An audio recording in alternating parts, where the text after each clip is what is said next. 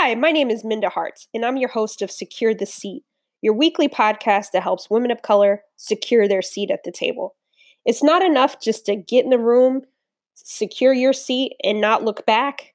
What are you doing with your seat? Are you bringing other women of color along with you? If you're not, you got some work to do. if you already have a lot of women of color in the room, that's awesome. Who else is missing? Bring them along. How do we create a lasting impact? That's bringing others along with us. You can lift while you climb. And I know a lot of people say that, and it's kind of can be a little cliche, but I truly believe that we get the most impact. We um, move the needle further when we're not alone, when we don't have to be the only one. You might be the first one, but you don't have to be the only one. And so I just want to welcome you back to Secure the Seat. We are still in Black History Month, and I know that many of y'all are calling on a redo because there's been so many things from Gucci to Prada to even this week Burberry and the cultural insensitivities that have been taking place are a little mind blowing, but then on some level, I'm not surprised, but still surprised. Uh, maybe you feel the same. And so it's really important that we get in these rooms. It's really important that we have a seat at the table because a lot of these issues would not be happening if you had diverse voices at the table. I mean, that's just point blank, period. And um, it requires us to continue to do that self advocacy, continue to stand up, and continue to rise and um, find ways to bring others along with us. So, this week's episode, I'm really excited about, and I'm not going to take too much time in the opener, but you're going to enjoy today's episode. So, you may even laugh out loud. Uh, I don't want to give you too much, but what I will say is thank you to those who have gone to Apple or wherever you're able to leave a review or a rating. I really do appreciate those. I read them. So if you haven't had an opportunity to do that, but you listen to the content and you enjoy it, please go ahead and, and leave that rating or review. And also, last week I let you all know that my book, The Memo What Women of Color Need to Know to Secure a Seat at the Table, is available for pre order. So I hope that you will go buy one for yourself and you buy one from one of your friends or if you are a non person of color, you need to know what our experiences are like in the workplace. So buy it for your team and do that. I do appreciate your support. So, um, like I said, I'm really excited about today's episode. I'm excited about all the episodes, but this one is really, really fun. And I don't even want to give you too much. I just want you to be surprised. So uh, let's get into it. Kelechi, welcome to Secure the Seat. How are you? I'm fine, thank you. Thank you for having me. I'm so excited to have you. Um, I am a stan of yours online. um, so the fact that you right. said okay to this, I am so excited. Um, no, definitely. But before we um, introduce HR Sally, tell us a little bit more about your background and why you created her. Uh, well, I'm an actor, director, and podcaster, and I have um, my own like dance and fitness dance fitness studio um, and basically i have all of those things because i just always knew that i didn't want to work in the traditional kind of office environment for my whole life. And every time that i had worked in those sorts of environments i just found them really really stifling and frustrating because so much was happening. You know so as an actor i was really noticing the things that weren't said so there was lots of conversation happening, but the real conversation was happening underneath. And the real conversation happening underneath was really rather violent. Um, and I just thought to myself, one day I want to use all of these characters that I encounter or these types of behaviors that I encounter and put them into a sketch of some sort. So the kind of person I am usually like with my friends and family I'm always impersonating people and like making jokes of situations that seem to me they seem rather absurd, but they are in actuality just everyday events um, that we've just taken as you know we've taken it for granted. We just think, oh, that's the way it's meant to be, but it's really absurd when you sit down and think about it. So that's how Sally and HR really came about because I started to think to myself, all of the HR people I've kind of encountered, all the people I've encountered in the corporate world, they have elements of Sally in that they're so ignorant and so happy in their ignorance, yet their ignorance isn't helping the people around them, whether they be people of color or just people who are generally othered. So I just thought it would be a good way to have that conversation. Yeah, I, I'm glad that you did because many of us working in these environments that happen to be of color, this is what we deal with every day, the, the mm-hmm. Sallys of the world, right? And so, yeah. like you said, it seems absurd, but this is every day uh, for many of us. And so I'm glad that you brought it to light. And that leads me to my next question. Um, there was a Harvard Business Review article a couple years ago titled mm-hmm. Why We Love to Hate HR. Why do you think HR gets a bad rap? I think HR gets a bad rap because they are essentially the gatekeepers. You know, they are the, the, when we talk about oh, there's a lack of diversity in these companies. They are the people that could essentially make a change. They they can make that change, regardless of how draconian or archaic the views of the CEO might be, and you know all of these other people that we see in the higher echelons of um, business. The HR people still have a chance to justify why they're bringing in new people different people, yet they don't. They stick to the status quo. They bring in the same people all of the time, and yet they'll put on their sites, their websites, oh, we care about diversity, we care about inclusion, yet all of the smiling faces are white and predominantly male. It's worrying. Um, and they that's the reason why, because they are um, kind of responsible for the well-being of the staff in terms of bringing them in and making sure the environment is one that's conducive for you know them working there. Yet they fall so short of it constantly. It's like after your interview you don't really interact with them unless there's a complaint and you don't want that. Yeah you you you preach it right there because i teach a course at nyu and um, our students are always complaining about how bad HR is. And I'm always like, listen, you know, it's not HR per se, it's the people, right? Yes. So, yeah. it's the it people. Is, it's definitely, it's the people who create the culture. People create culture. So the HR has the reputation that it has because the people who end up in these roles are so happy to just have people who look like themselves come through. I remember going uh, for an interview. So I I used to temp a lot as an admin assistant, like an administrative assistant, or as a receptionist, just as a way to make sure that was always available for auditions and things like that.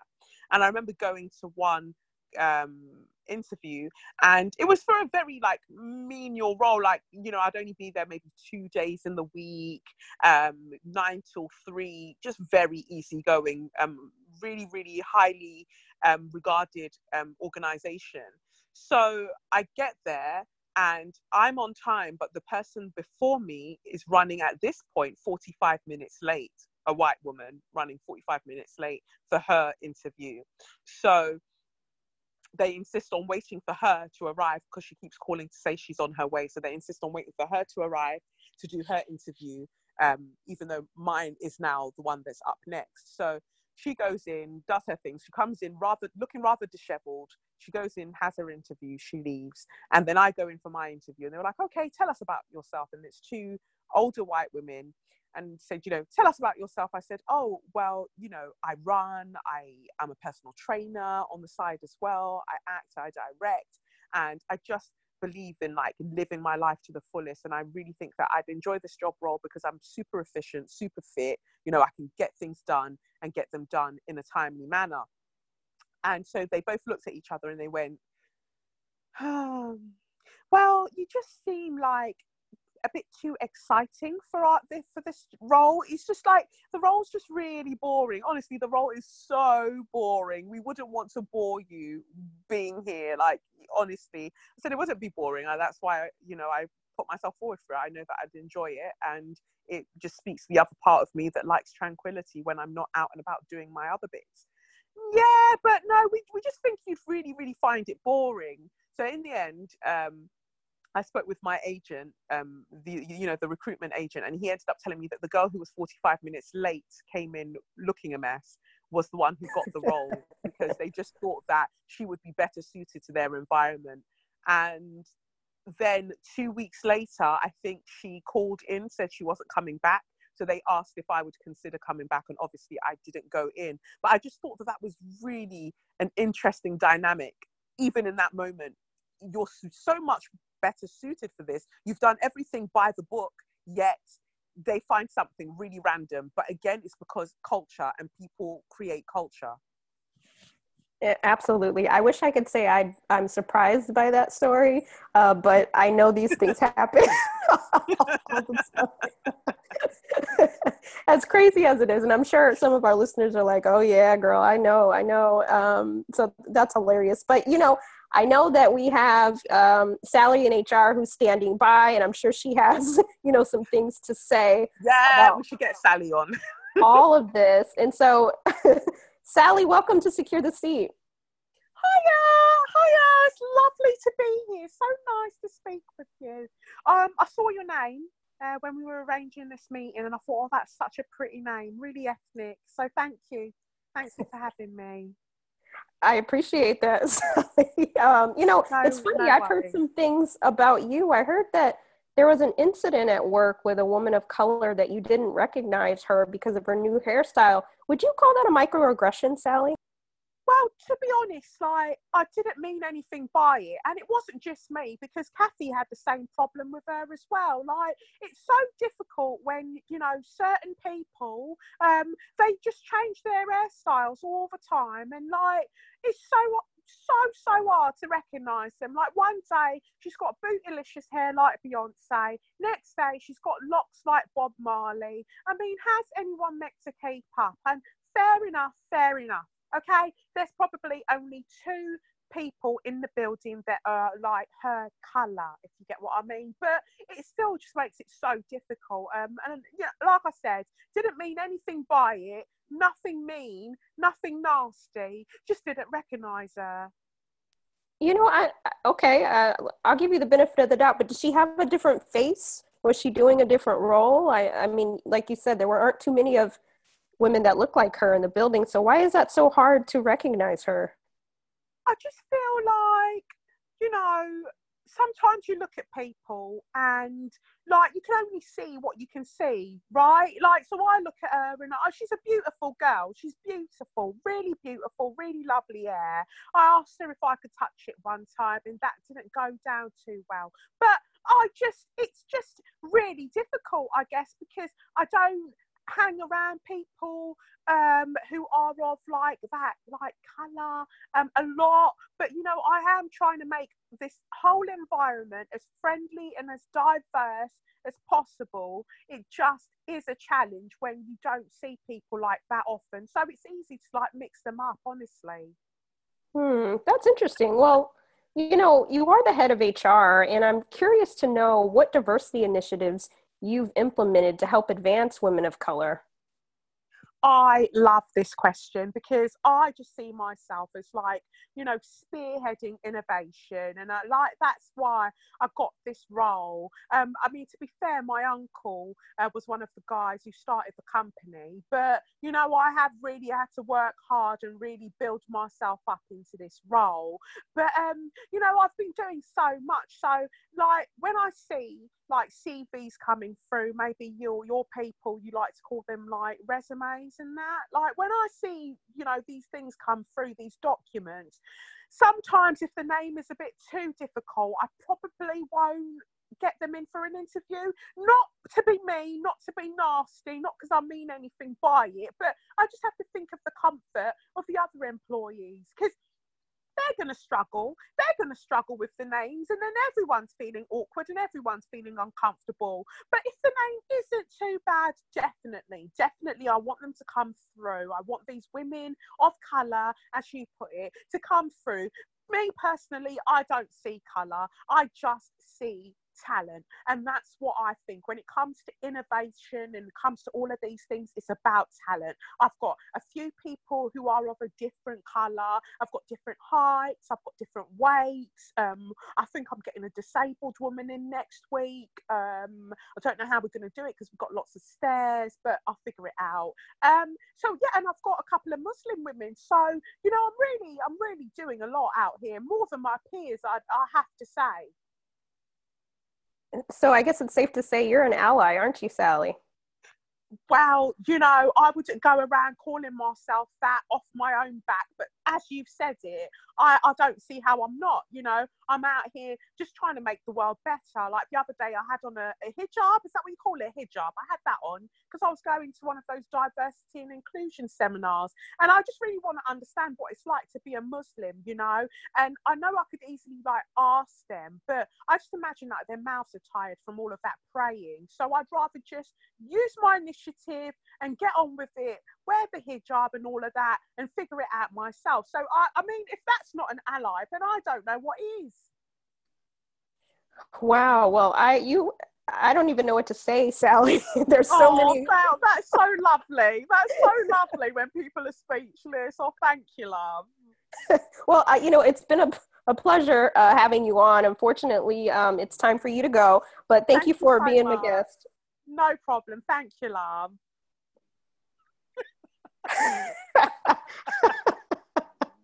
you know, it's it's crazy. It's just like this is what this is. This is normal. This is normal.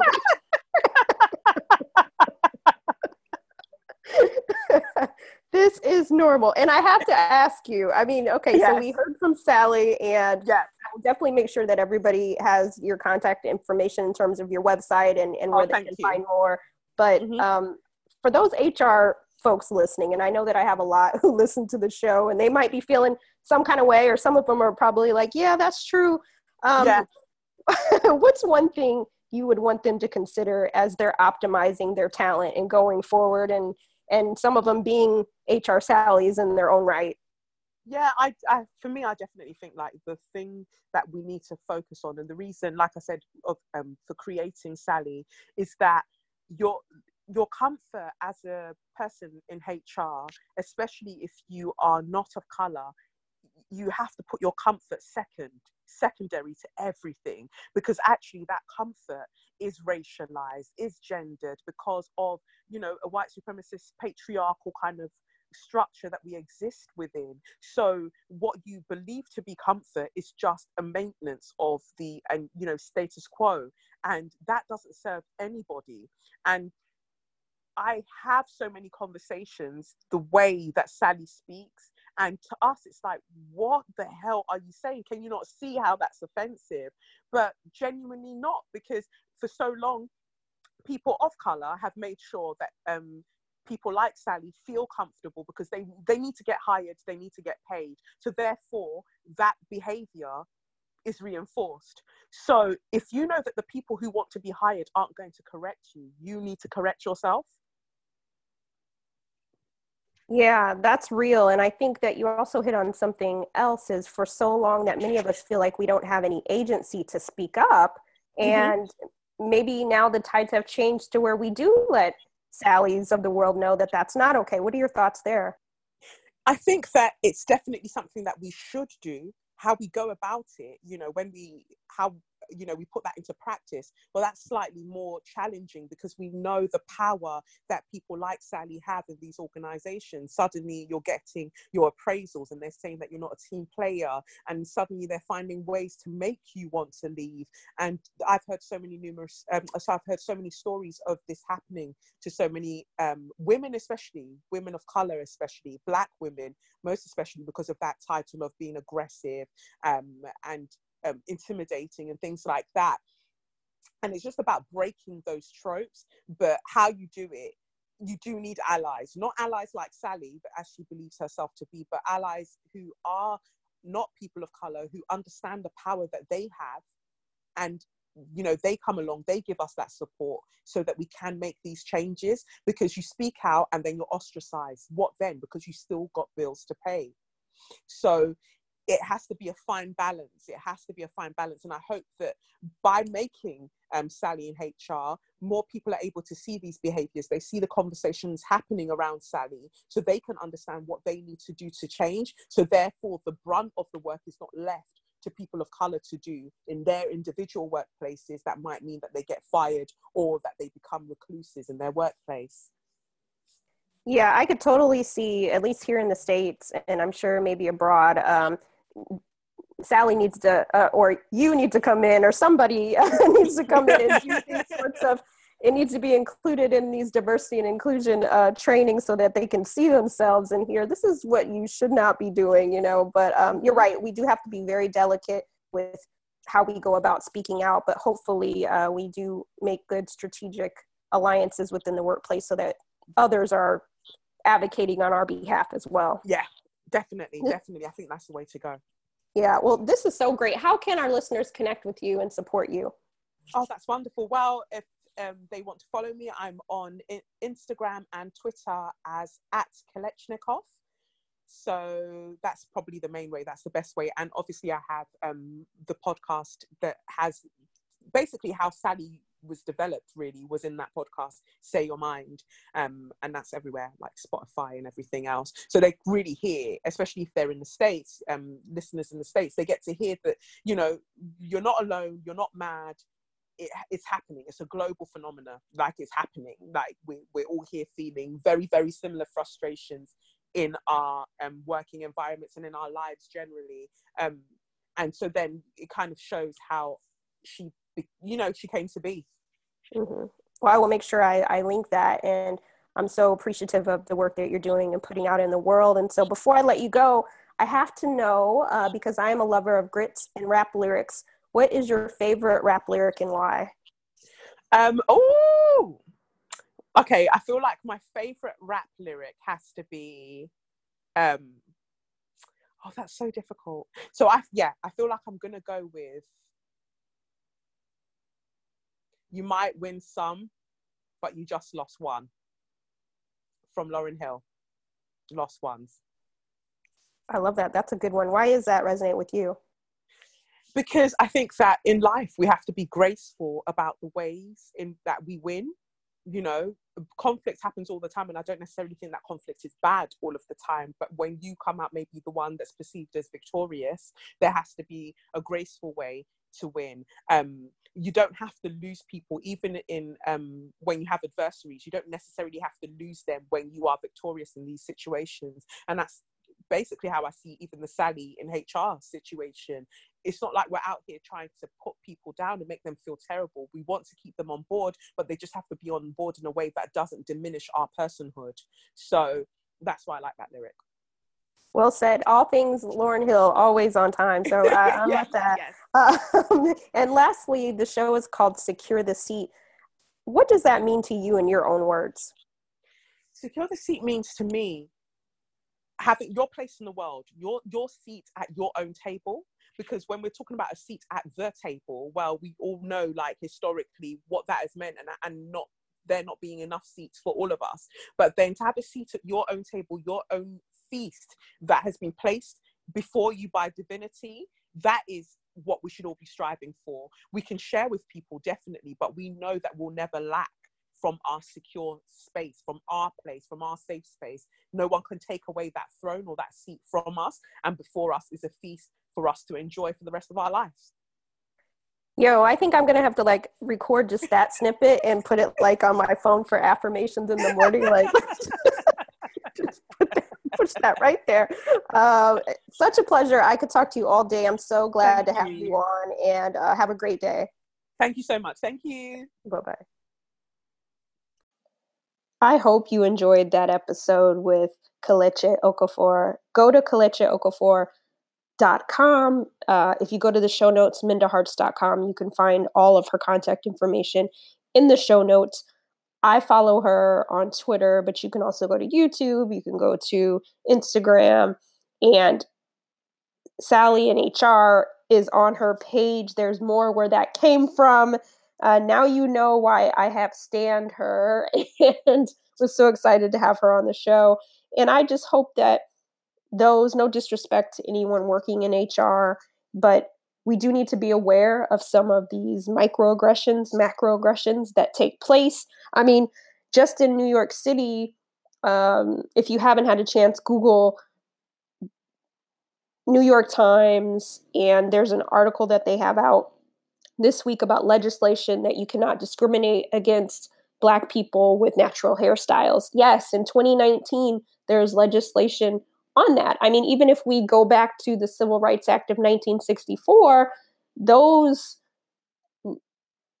that had to be implemented because people were getting discriminated against their race. They were getting discriminated about around their religion and orientation and those with disabilities. These levers, these laws are put into place for a reason. And it's unfortunate that people are still discriminating against women of color, black women, because of hairstyles. And um, there's a lot that needs to go into that. Shout out to Christina Merriweather uh, from the Memo community, who in our Slack group, when we were talking about this, she mentioned even TSA, like the fact that they are patting your head down is a problem, you know, and I think that there there's a whole lot we can even discuss on that, right? But find me on Twitter at Minda Harts and we can have that conversation. But keep doing what you're doing, keep securing your seat.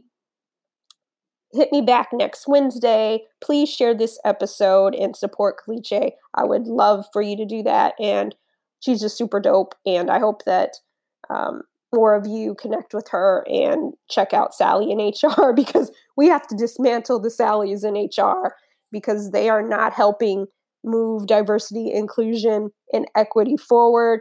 Again, if you haven't had a chance, go to Apple Podcast or wherever you leave ratings and reviews for this podcast. Leave me one. I'd love to hear from you. And if you haven't had a chance to go pre-order my new book, that's also on my website at mindaharts.com. I appreciate you. Have a really great week.